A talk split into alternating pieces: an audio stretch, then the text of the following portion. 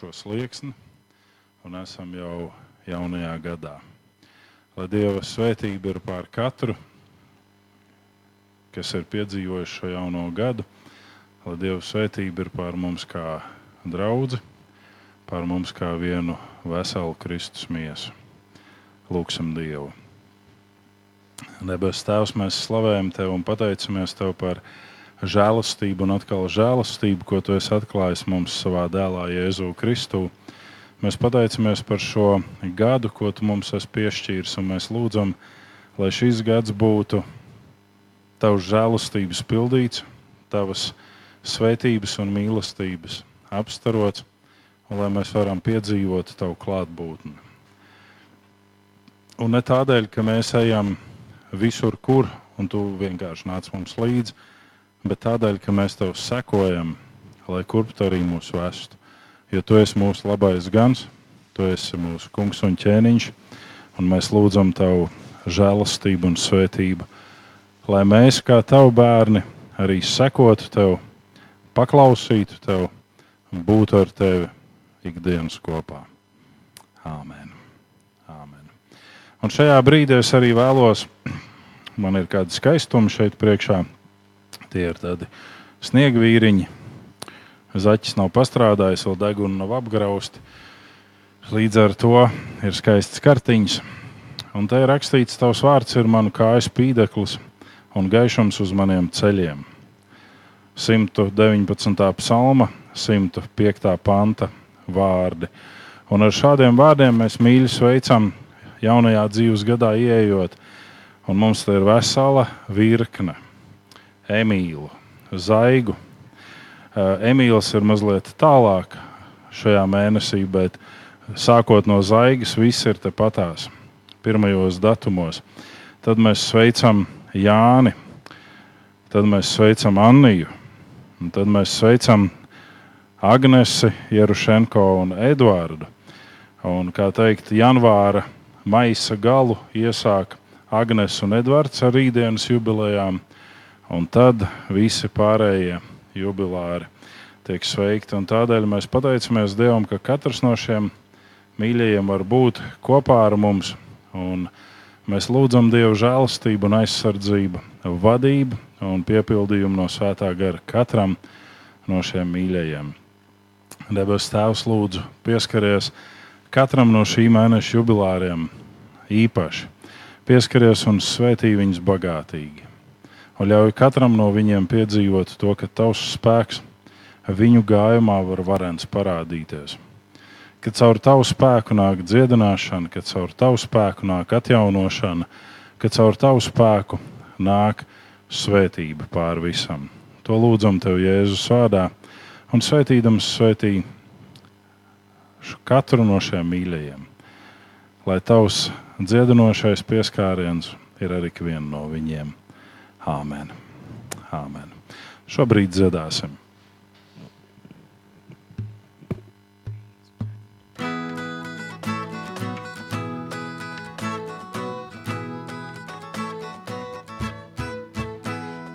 Godībā apklāj debesis, visa zeme pilna viņa slāvas. Dievs, tas kungs mans spēks pāri augstumiem, rada ceļu vienmēr vada mani, rada ceļu vienmēr vada mani. To, kāds biju es, Dievs mani mainīja, krāks mani ieskāva, Dievs mani atpirka, asinīs nomazgāts un dots man solījums. Viņš man sākums jauns, viņš arī nobeigums. To, kāds biju es, Dievs mani mainīja, krāks mani ieskāva, Dievs mani atpirka, asinīs nomazgāts un dots man solījums. Viņš man sākums jauns, viņš arī nobeigums.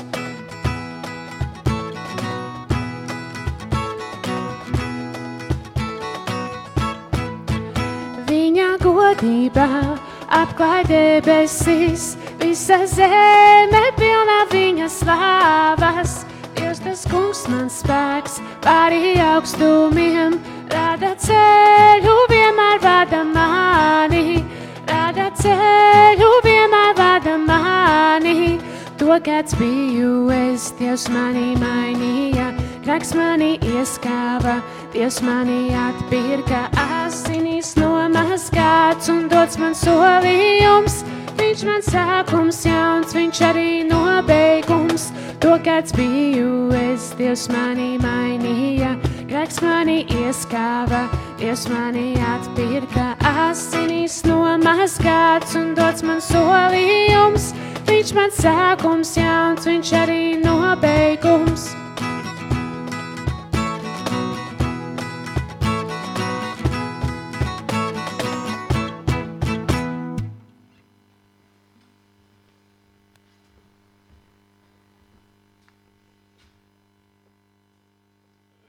Kungs, tu esi katram no mums jaunais sākums, tu esi katram no mums otrā iespēja. Tu esi tas, kas mūs piepilda ar savu svēto garu un vādi uz savu pilnību un dziedini, šķīst no ļaunā. Paldies Tev par to! Lūdzu, kaut mūsu acis būtu redzīgākas un mūsu griba būtu spējīgāka sekot Tev. To Tev lūdzam Jēzus vārdā. Āmen. Un šajā brīdī vienosimies Bībeles lasījumā un lasīsim mācītāja grāmatu, trešā nodaļa, pirmie deviņi panti. Mācītājs trešā nodaļa, pirmie deviņi panti. Lūk, tur ir teikts, viss savā reizē un savs laiks ik lietai zem debes. Laiks dzimt un laiks mirt, laiks stādīt un laiks plūkt stādus, laiks nokaut un laiks dziedināt, laiks graut un laiks celt, laiks raudāt un laiks smiet, laiks sērot un laiks diet, laiks akmeņus mest un laiks akmeņus vākt, laiks apskaut un laiks bēgt no skavām, laiks meklēt un laiks zaudēt, laiks glabāt un laiks sviest prom, laiks saplēst un laiks šūt, laiks klusēt un laiks runāt, laiks mīlēt un laiks nīst, laiks karam un laiks mieram. Kas tiek darītājiem no viņa pūlēm? Āmen. Āmen. Un šeit mēs redzam dažas būtiskas iezīmes. Jā, protams, mēs nevaram visas detaļas izskatīt. Pirmkārt, mēs apstājamies pie tā, ka tā ir ebreju dzēja. Tas nenozīmē, ka šajā dzējā nav pamācība vai ka šajā dzējā nav kāda vērtība bet primāri tā ir ebreju dzēja. Otrakārt, tas ir pravietisks atklājums.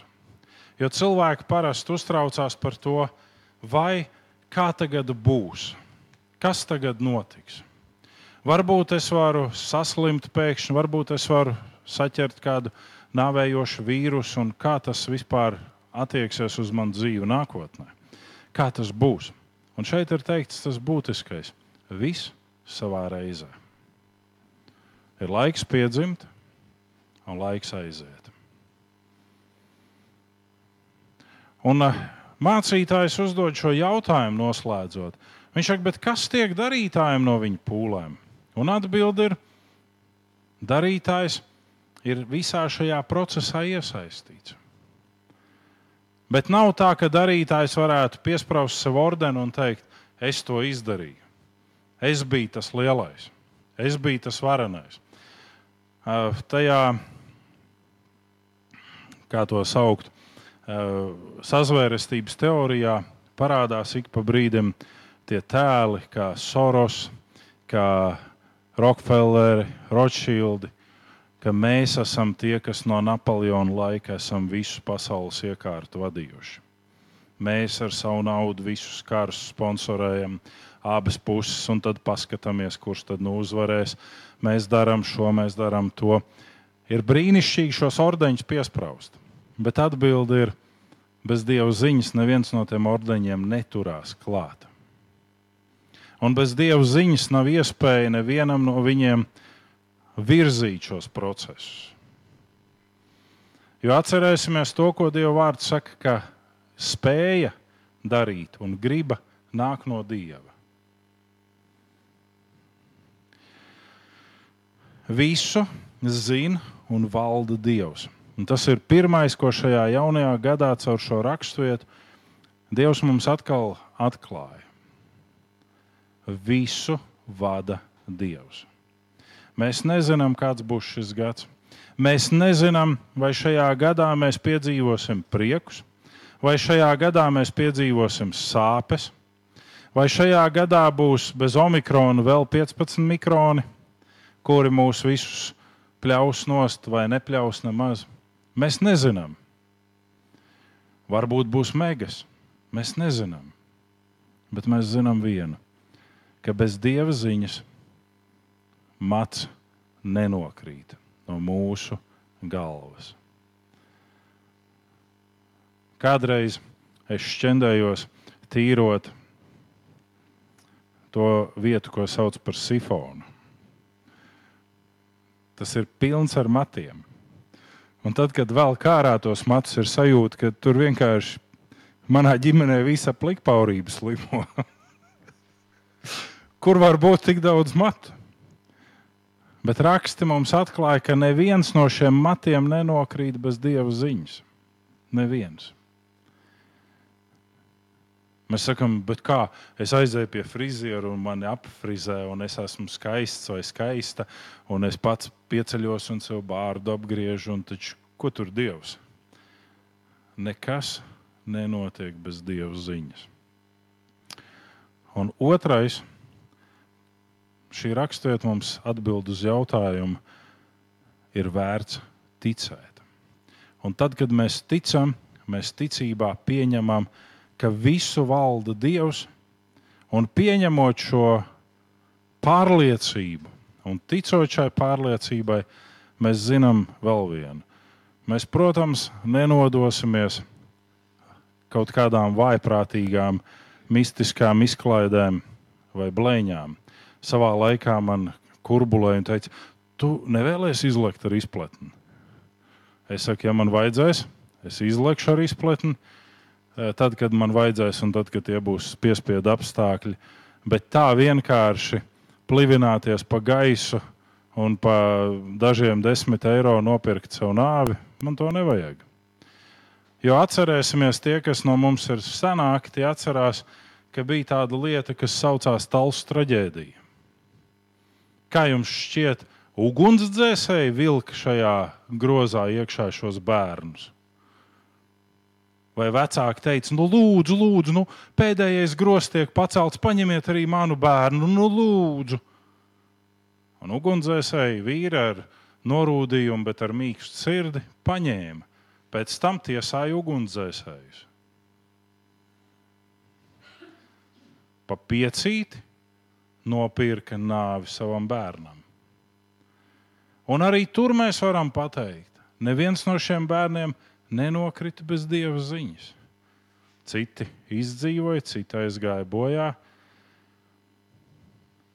Un tāpēc būsim vērīgi uz šo. Jo mēs sakām, nu jā, tur redz, ugunsdzēsēji pārkāpa to, vai tur nebija kāda drošības pasākuma ievēroti. Jā, Vēl nesen mēs atcerējāmies kādu karuseļu braucienu eh, meža parkā, kur puisis saprata, ka mēs esam pēdējā jauniešu kompānija 90. gadu pašā sākumā, kas viņam šodien ir tikusi, un viņš ir visu dienu atsēdējis dīkā. Nu, tad iegriezīs to karuseli, un tad, kad tas karuselis uzņēma apgriezienus, viss bija labi.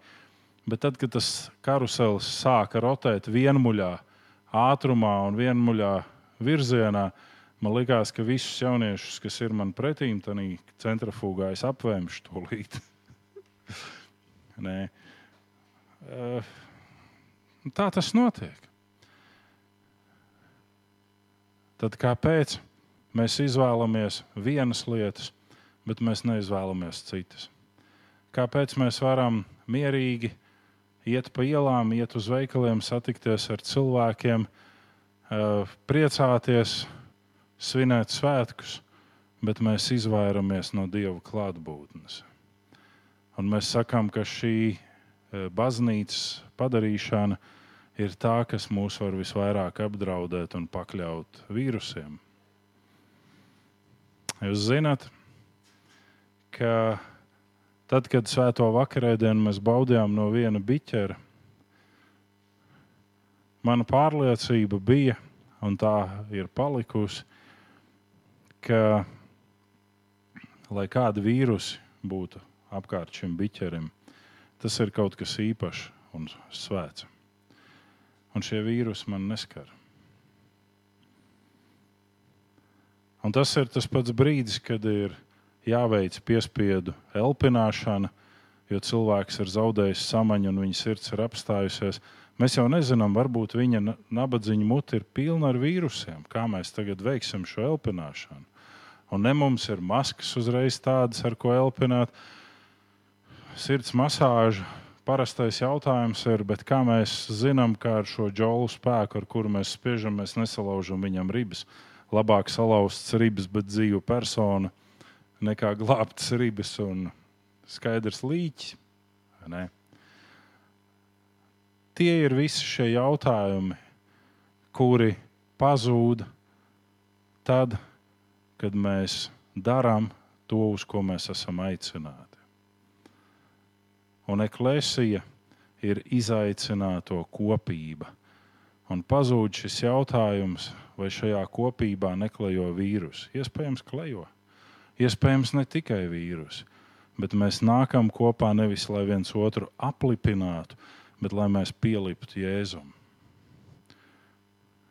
Un tad, kad mēs gribam pielikt Jēzum, tad mēs atceramies, kas ir rakstīts praviešos. Tas kungs ir tavs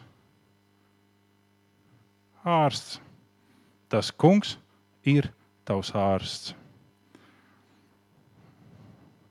Un ar to mēs arī noslēdzam šajā brīdī šīs pārdomas. Jo mācītājs mums pasaka skaidri, ka mans ķieģelis neaizies garām man. Ja tas ir mans ķieģelis, tad tas man skars. Un ja tas nav mans ķieģelis, tad tas man neskars. Lai Dieva žēlastība ir ar katru no mums, vienosimies dziesmā, kuras laikā sagatavosim savus sirdis un domas svētajam vakarēdienam.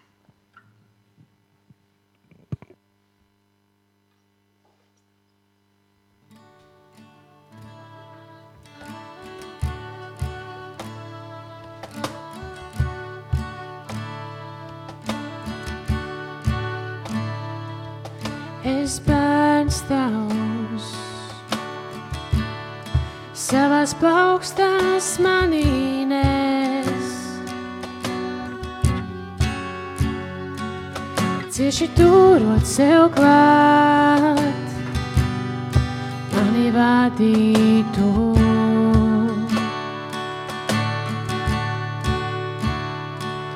Tevs mācīt paturēt sev. Atdot tavās rokās visu, kas man ārks,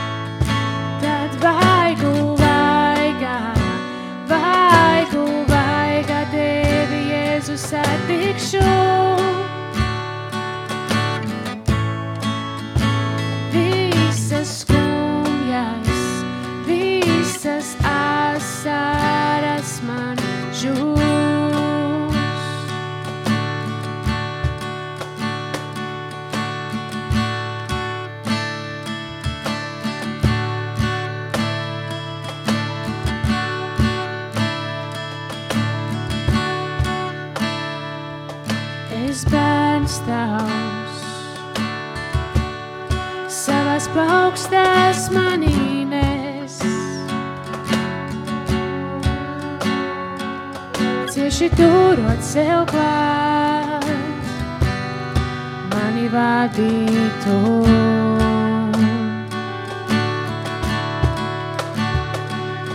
Tavs mācīt, ko nepaturēt sev. nododu tavās rokās visu, kas man dārgs.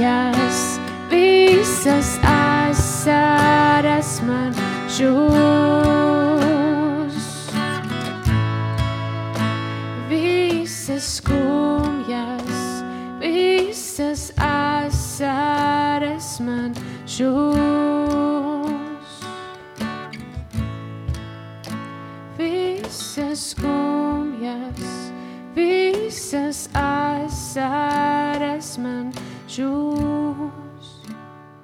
Patiešām, Kungs, Jēzu, mēs pateicamies, ka Tu šo ceļu esi gājis pirms mums. Tu esi izgājis cauri nāves valstībai, Tu esi izgājis cauri šausmīgām mokām un ciešanām.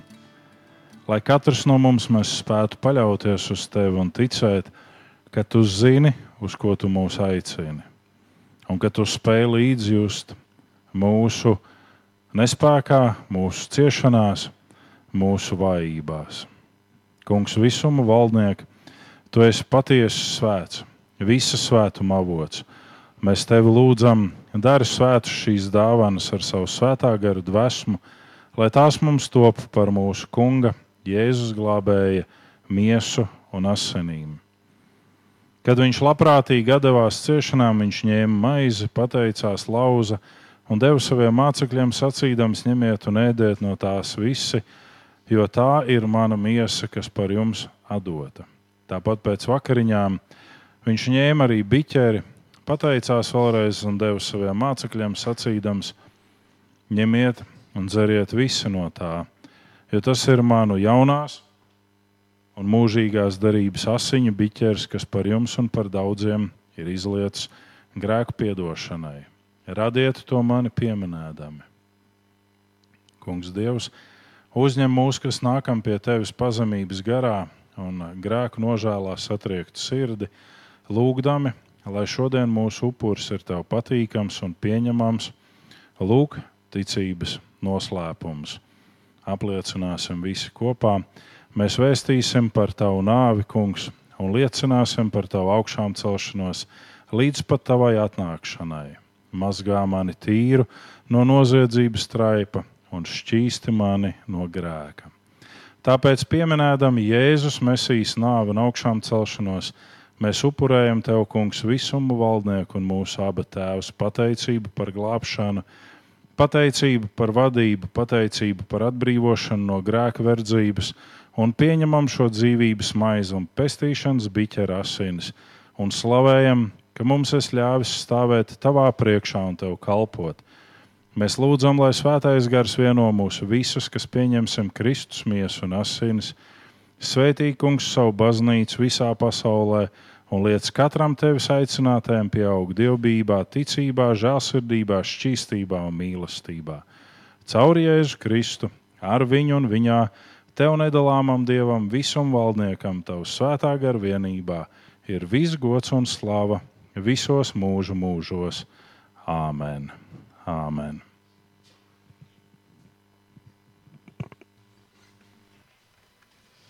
Cieto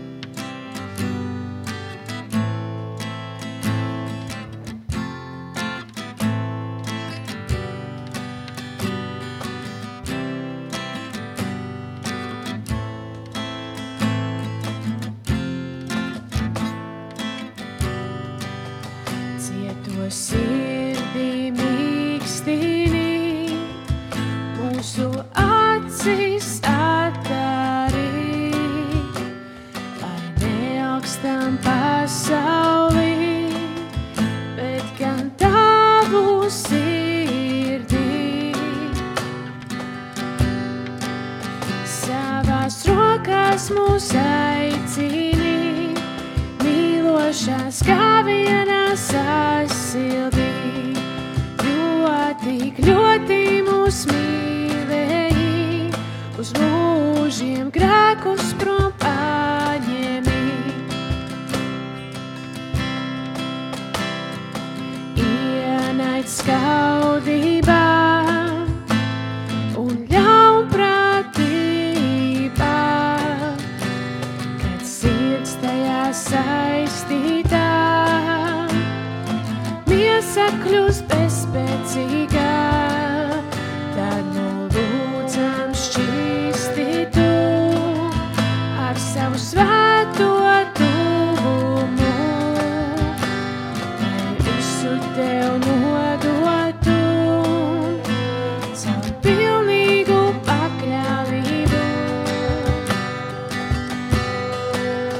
Savās rokās mūs aicini, mīlošās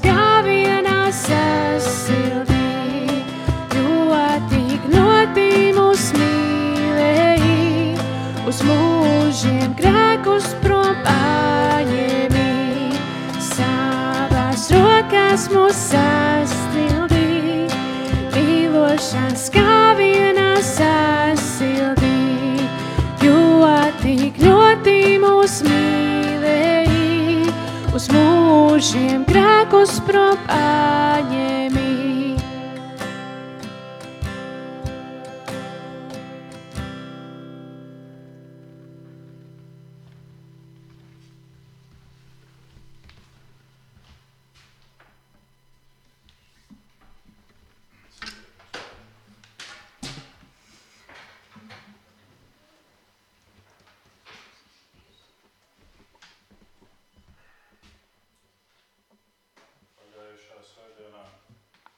šo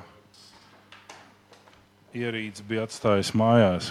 Tāpēc man nācās, kā teikt, kā pa miglu, kā dzieda. Uh. Tā man nācās sprediķot kā pa miglu. Un tad šodien es domāju, pagaidi, vai tad ir mājās, ne ir somā. Tad nu paņēmu, lai nebūtu kā pa miglu. Šodien mēs runāsim par jaunais un vērtīgais. Un, ziniet, vērojot cilvēku tendenci īpaši uz gadu miju, cilvēkiem ir tendence izzināt nākotni. Ja tas eh, neskar gadu miju, eh, tāpat ir cilvēkam tendence izzināt nākotni, bet jo īpaši, ja tas skar gadu miju, it īpaši, ja tas skar visas šīs situācijas, kad mēs nezinām, kā būs un kas būs. Un pats maigākais nākotnes izzināšanas veids ir vai nu kafijas biezumi, vai svinu laimīšu liešana. Nē. Tad ir cilvēki, kas apmeklē kādas personas ar īpašām spējām.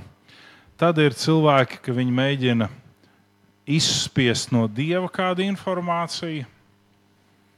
Un ticiet vai nē, bet ja informācija nāk no dieva, viņa nav jāizspiež. Viņa vienkārši atnāk un viņa ir. Un, ja dievs nedod informāciju, tad nav ko spiest. Var izspiest kaut ko citu. Ir cilvēki, kas paliek neitrāli, vai arī vienkārši lūdz Dievu. Un ieliek šo gadu Dievu rokās. Kāds būs šis gads, tāds būs. Ko Dievs nesīs, to nesīs. Un šobrīd uz mirkli pārtrauksim domāt nosodījumu domas, ka tas skar visus citus, tikai ne mūsu, un mēs neesam ierindoti starp apkārtējiem dīvainiem, kur mēģina izzināt nākotni. Taču ļausimies, lai Dievs runā un atklāj mums ikvienam, ko Viņš vēlas teikt. Un šodien domāsim par šo nākotnes izzināšanu. Vakardienas Kopīgais Bībeles lasījums bija no Jozovas grāmatas, pirmās nodaļas, 8. pāns. Mēs šodien skatīsim mazliet vairāk kā tikai 8. pantu, 5. līdz 9. pantu. Un tur ir teikts, visas tavas dzīves dienas neviens nebūs varenāks par tevi. Es būšu ar tevi tāpat kā ar mūzu. Es tevi neatstāšu un nepametīšu.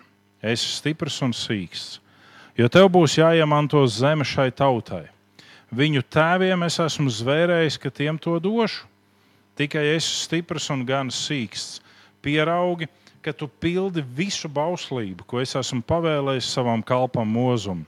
Nenovērsies no tās ne pa labi, ne pa kreisi. Tad tev viss veiksies, lai kurp tu ietu. Lai tur rakstīts, lai šis bauslības grāmatas vārds vienmēr tev ir uz lūpām, runā to dienu un nakti, pielūko, ka tu to dari visu, kas tur rakstīts, jo tad tavs gaids būs sekmīgs un tev veiksies. Vai es tev nepavēlēju būt stipram un sīkstam, nebīties un nebaidoties, jo Kungs tavs Dievs ir kopā ar tevi, lai kurp tu ietu. Āmen. Kungs svētīs savu vārdu šajā dienā un ļauj šo vārdu mums kā dzīvu, spēcīgu asmeni piedzīvot, kas atgriež mūs no visa liekā. Āmen. Trīs reizes viens un tas pats ir tas, ko mēs redzam kā pirmo šajā tekstā. Trīs reizes Dievs atkārto vienu un to pašu. Ar kādu mērķi tiek atkārtots viens un tas pats vairāk kārtīgi? Mēs varam būt stingri pārliecināti, ka, ja kaut kas tiek atkārtots vairākas reizes, tad tas ir ļoti nozīmīgs faktors, ja tas ir ļoti nozīmīgs aspekts, ja tā ir ļoti nozīmīga darbība Tas nav tikai apjoma palielināšanai. Mēs varētu tādā cinismā skatīties, nu, ka Bībeli ir noteikti sarakstījuši cilvēki.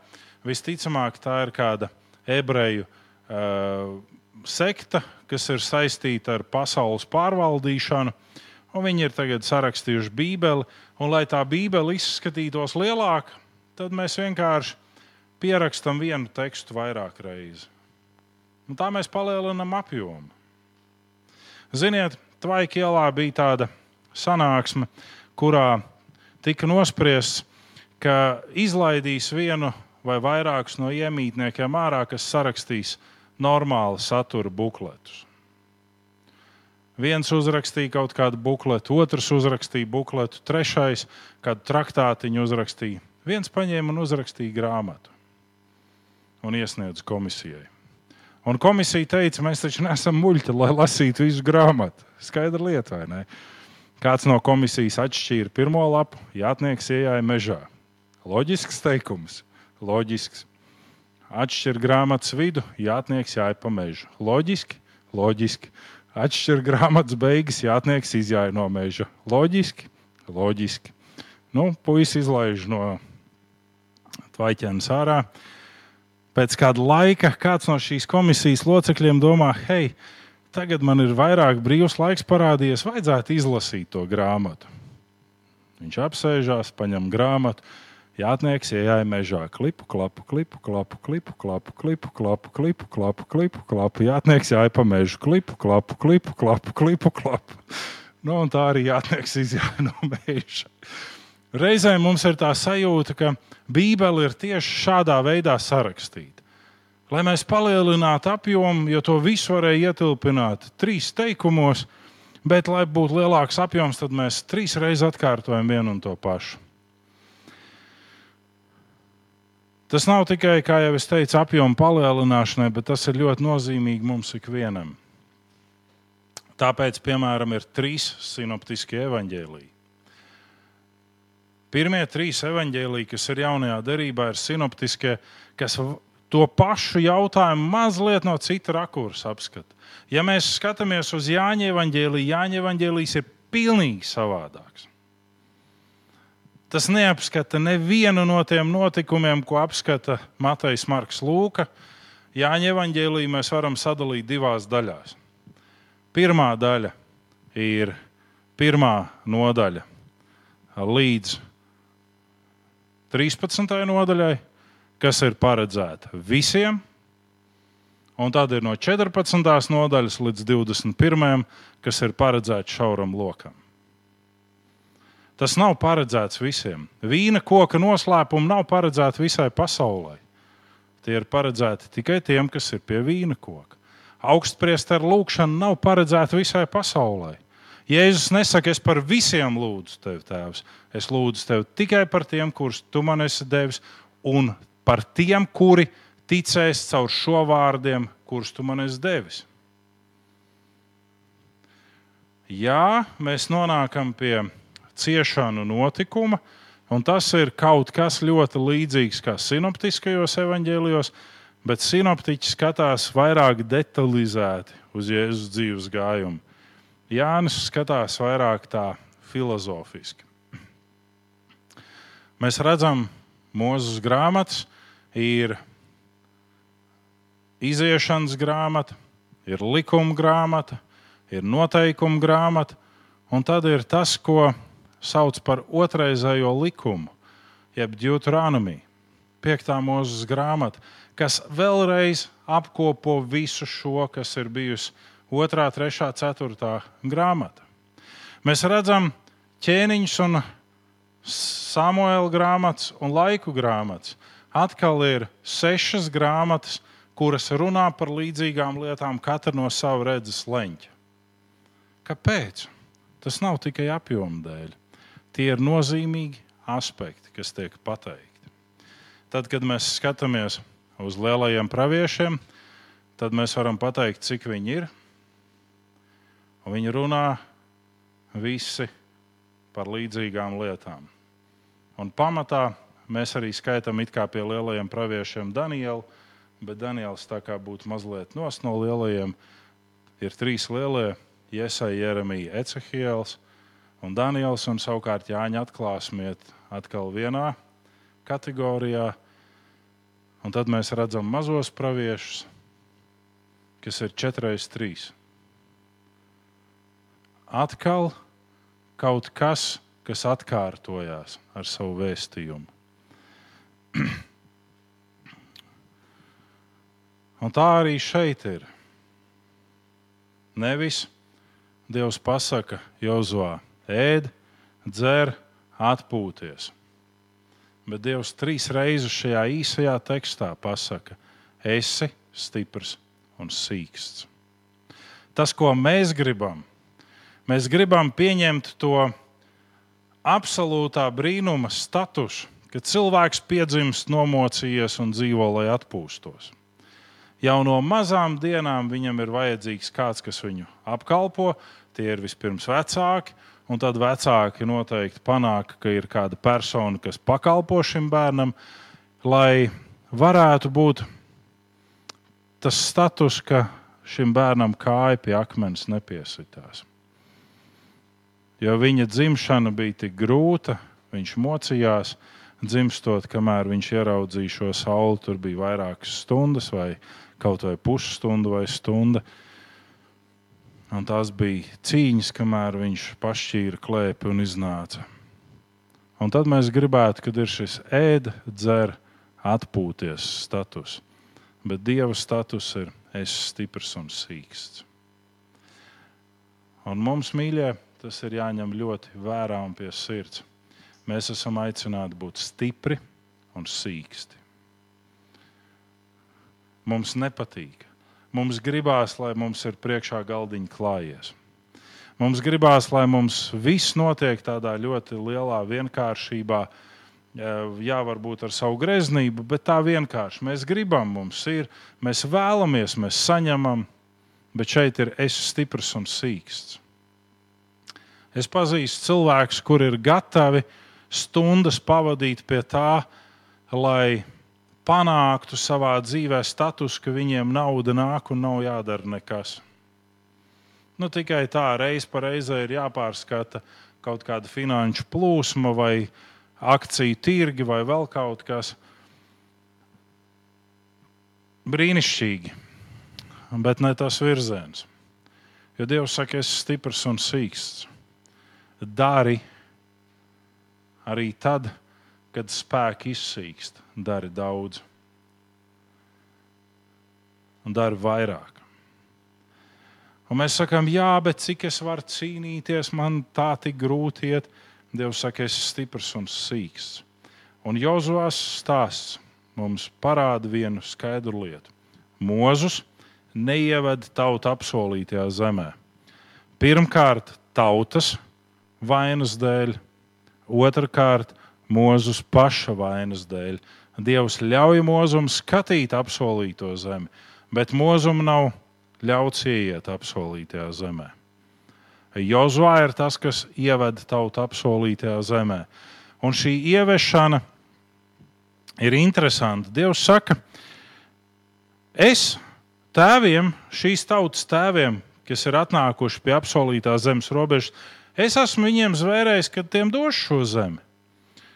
Un priekš mums, priekš cilvēkiem izklausās došu, tas ir nu, kā dāvana, es paņemu un iedodu.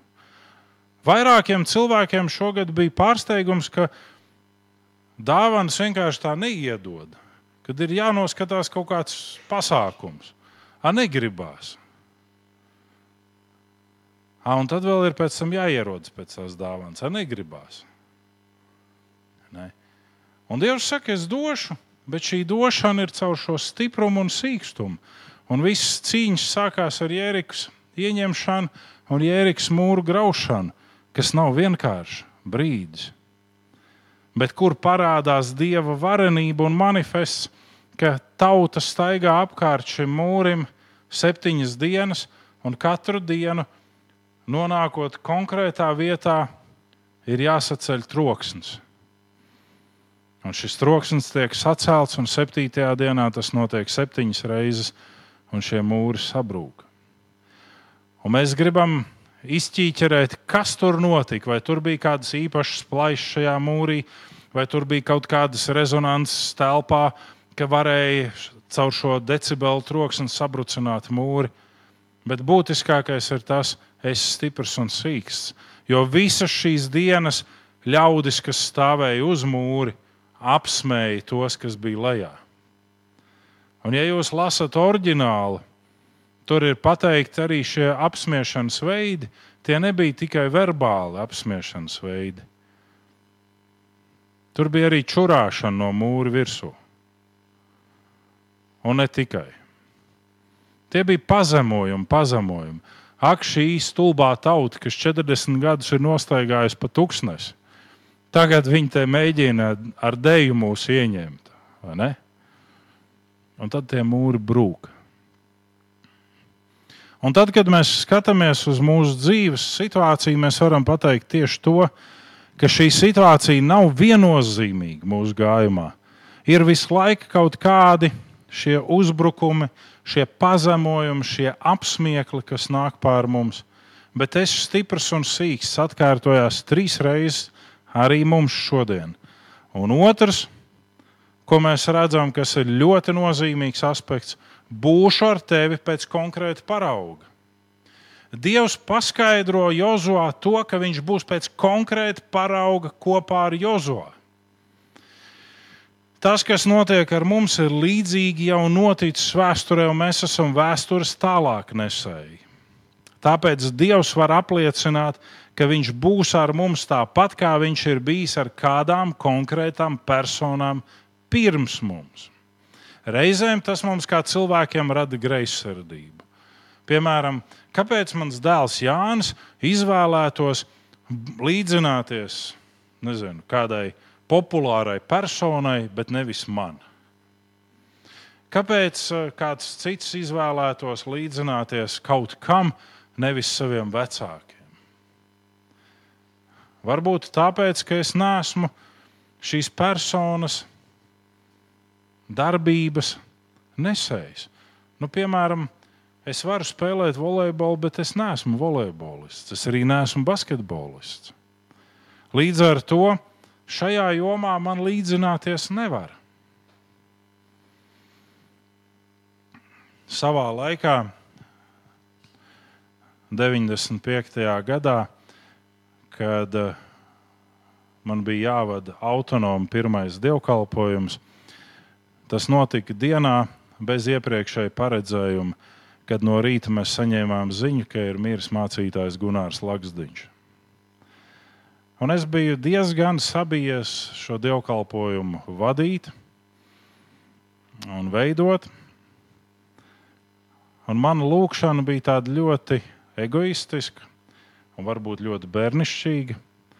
Bet es teicu, Dievs, ja man ir jādara tas, tad lai tas svaidījums, kas bija pār Gunāru Lagasdiņu, daudzkāršot ir pār mani. Es nezinu, kā tas ir attīstījies tālāk. Bet tā bija tā mana lūkšana. Jo tad, kad 88. un 89. gadā parādījās pirmie dievkalpojumi televīzijā, kur tika pārraidīti eh, no Mateja baznīcas, kur tajā laikā kopā bija Agenskalna un Mateja draugs. Tad vienā no šiem dievkalpojumiem Gunārs Laksdiņš runāja. Un tas, ko viņš teica, bija, būs diena, kad Dieva priekšā locīsies Gorbačovs ceļi un Gorbunovu ceļi. Un tas nav tas pats veids, kā mēs šodien varam teikt par vienu vai citu draugu, kur mācītāji kā tādi mazi gailīši lec uz ecešām un lamā valdību. Nē, tas bija ļoti nosvērts, ļoti pārliecinošs veids, un tas bija veids, par kuru vēl tajos gados varēja iesēdināt. Varēja vēl joprojām iesēdināt. Un mēs vēlamies līdzināties kaut kam. Tāpēc Dievs var apliecināt, ka Viņš būs ar mums tāpat, kā viņš ir bijis ar kādām konkrētām personām pirms mums. Tad, kad mēs sakām, nav jāseko cilvēkam, ir jāturās pie Dieva, pilnīgi taisnība, bet kādas konkrētas personas mūs ved pie Dieva un uz to apsolīto zemi. Un ja mēs šodien pieņemtu statusu, to ļoti bravurīgo statusu, ka Dievs runā uz katru no mums, un mums nevajag ne mācītājs, neko pārējo, tad tas būtu tieši tas pats, ko darīja Dātans un Abirams pret mūzu. Kas tu esi iedomājies, ka Dievs tikai ar tevi runā? Dievs ar mums katru runā. Un atvērās zeme, un Dātana un Abirama nami pazuda dzīve zemē. Un tas ir tas, ko mēs mēģinām šodien pateikt. Nu, Kas ir uģis? Uģis ir vienkārši uģis. Ne? Vai kas tur ir kāds cits no mācītājiem? Bet Dievs konkrēti Jozovas gadījumā saka, ar tevi es būšu tāpat, kā es biju kopā ar mūzu. Pienāks diena, kad uģis vairs nebūs. Un kādos varbūt būs samulsums un apjukums. Un tad var skanēt šie vārdi, kā pār Jozoā, tā pār katru no jums. Es būšu ar tevi tā, kā es biju ar uģi. Līdz ar to mēs nepadievinam personu, bet mēs sekojam personai kā ganam uz zaļainām ganībām. Es nekad neesmu nevar būt labais gans, jo tas ir tikai viens. Bet kā tauta sekoja mūzum uz apsolīto zemi, vēlāk Jozo, tā arī mēs esam ceļā uz kādu konkrētu apsolīto zemi. Un katrs no jums var saņemt šo vārdu. Piemēram, Katrīna dziedot, var saņemt šo vārdu, varbūt arī lūkšanās, ne tikai dziedot es būšu ar tevi tāpat kā es esmu bijis ar Elvu Presliju. Ne? Mēs sakām, bet tur kaut kur neparādās Dievs. Nu, mēs gribētu redzēt, ka šīs personas dzīvē Dievs parādās tieši tāpat kā mūsējā. Bet iespējams, ka nē. Labi, varbūt ar Elvu Preslī, ne ar Vitniju Hjūstonu. Jā. Dievs būs ar tevi tāpat kā ar Vitniju Hjūstonu. Ne? Kur tad tev rokenrols? Nē, nē. nē. Bet kādas konkrētas personas mūs veda pie Dieva un uz mūsu apsolīto zemi. Un šīs personas var tapt mums par Dieva darbu paraugiem. Un te ir tas būtiskais jautājums, kas katram no mums ir jāuzdod sev, tad, kad mēs ļoti kārojam būt tie gani, tad, kad mēs ļoti kārojam būt tie tautas vadītāji, tad ir jājautā, vai es vedīšu šo tautu uz apsolīto zemi, un vai dieva darbi parādīsies manī, jeb tie būs mani darbi, kurus es likšu visiem duplicēt. Tas ir atkārtot. Jo tad, kad mēs skatāmies uz kādām konkrētām svētā gara izpausmēm, kuras ar varu cilvēki grib panākt, ka visi to dara, tad tās ir duplicētas izpausmes. Tas nav autonoms dieva darbs. Tas ir, ka mēs nosēdinām tautu rindā un tagad mācām, kā runāt mēlēs.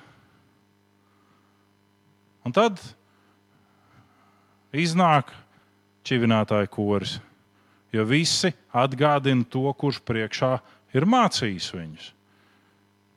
Un tad, kad tu jautā, kas tas ir, ko tu dari, man tas nu, skolotājs tā darīja. Viena konkrēta situācija tukuma laikā bija kāda māsa, kura ļoti gribēja, ka viņa var runāt mēlēs. Viņa runāja mēlēs, un visiem tur bija lielais wow. Bet izrādās, ka šai māsai tās mēlis bija tīra franču valoda, jo viņas vecmāmiņa bija francūzieta. Un visiem pārējiem tas bija wow, kā viņi lūdz mēlēs, bet tur nebija mēļu. Tur bija vienkārši franču valoda.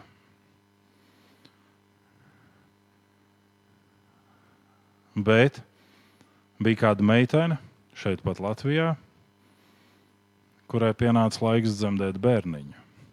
Viņa tika ievietota dzemdību namā, viņa gulēja uz galda.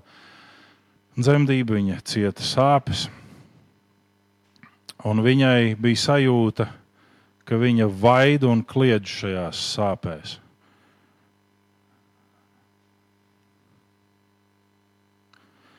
Un vecmāte, kas pieņēma dzemdības, nobālēja un palika sastingusi uz brīdi.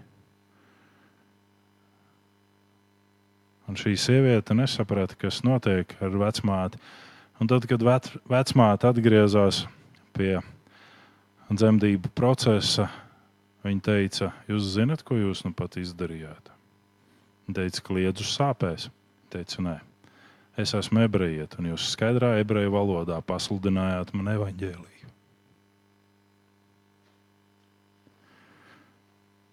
Bet es neko tādu iepriekš nezinu. Mēlis ir veselīgas, kad tās pagodina Dievu, nevis izceļ mēļotāju. Pravietojums, ja pagodina Dievu, tad tam ir vērtība. Nevis, ja tas izceļ pravieti. Un mēs ejam tālāk. Un trešā lieta - turi likumu.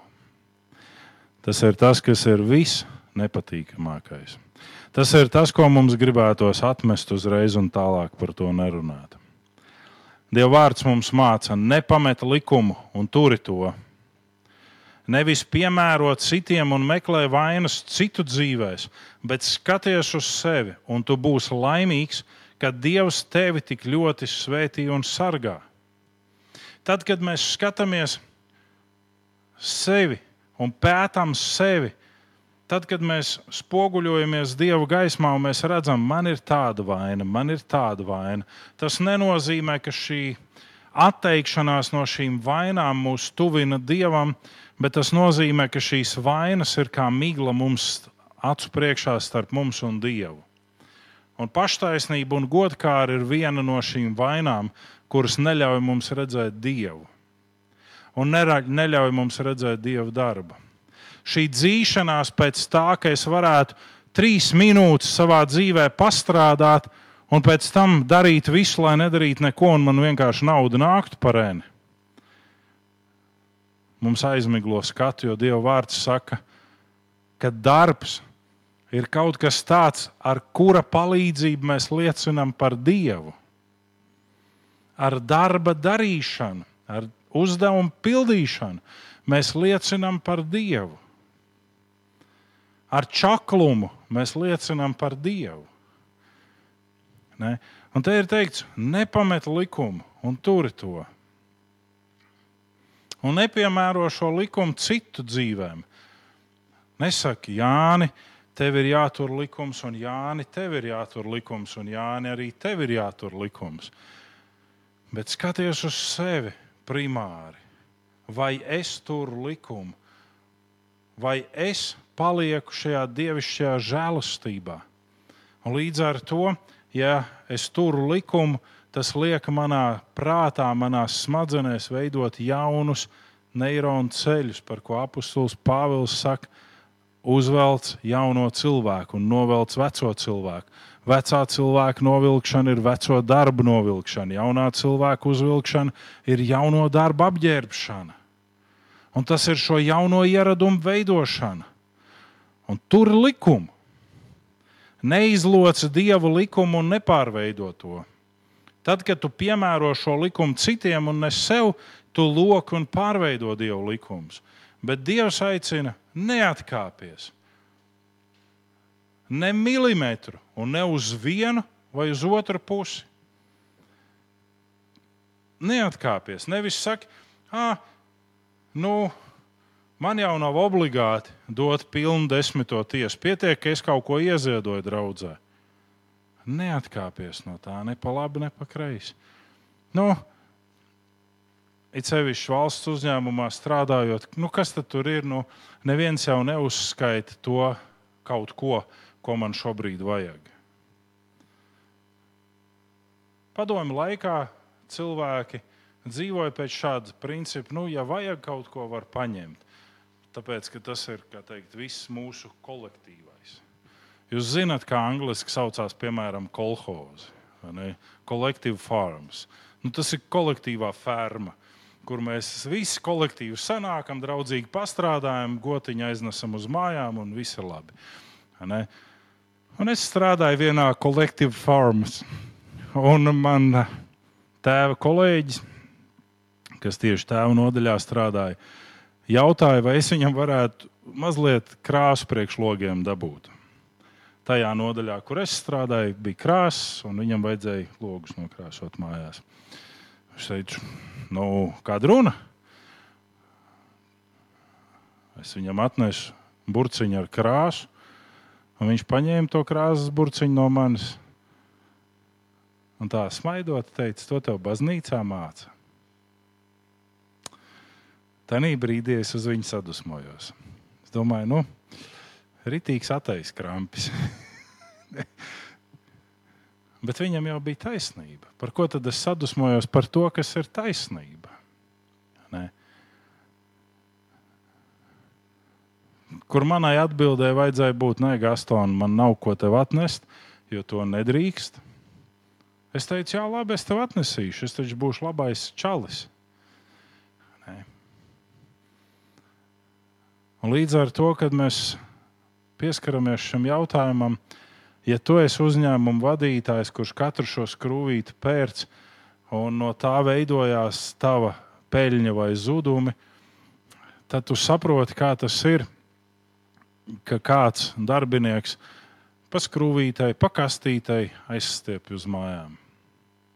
Nē.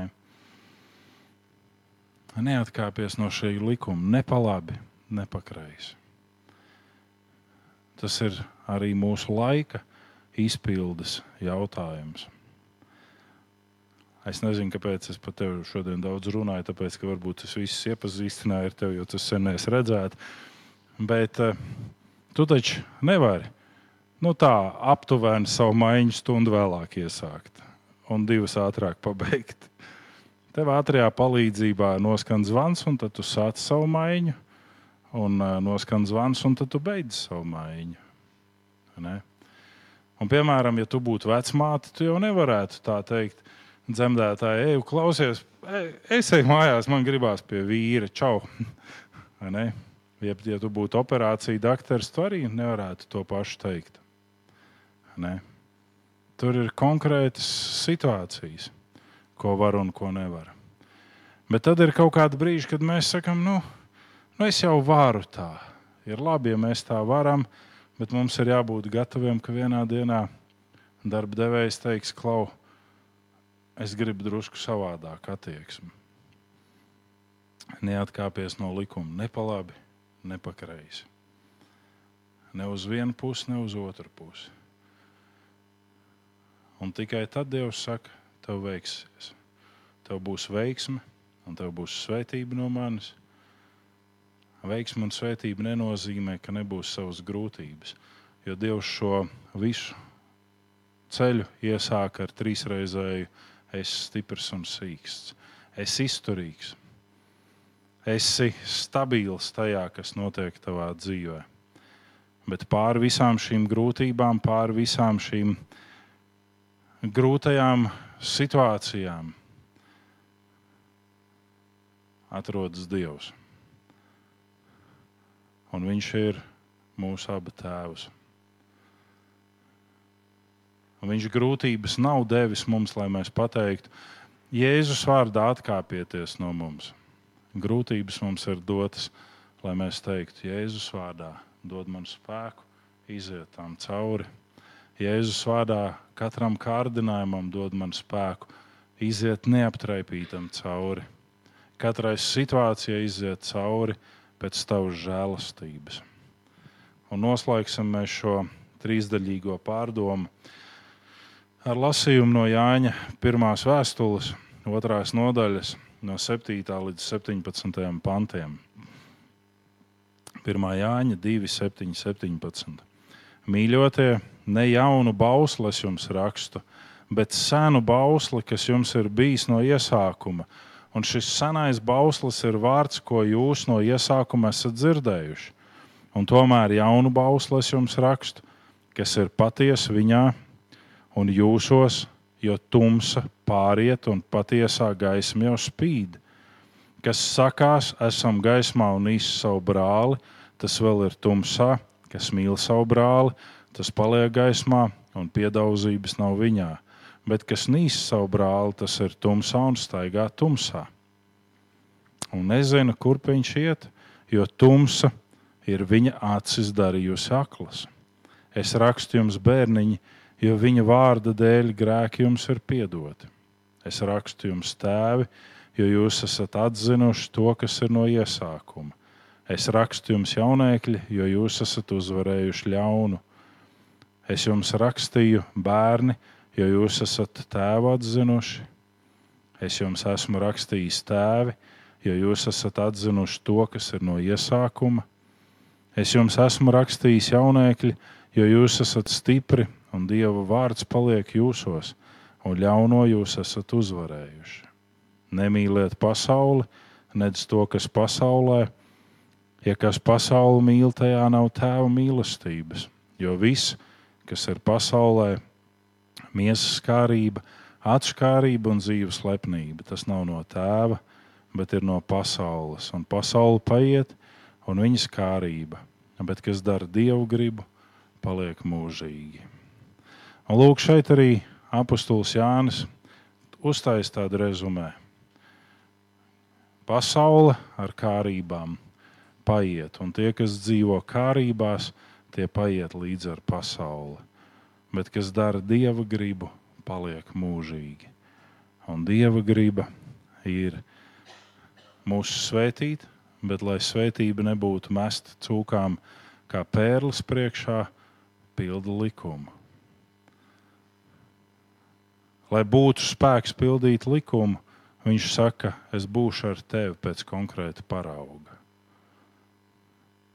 Bet pāri visam tu, persona, kas klausies, šodien esi stiprs un sīksts. Lai Dievs svētī mūsu ikvienu.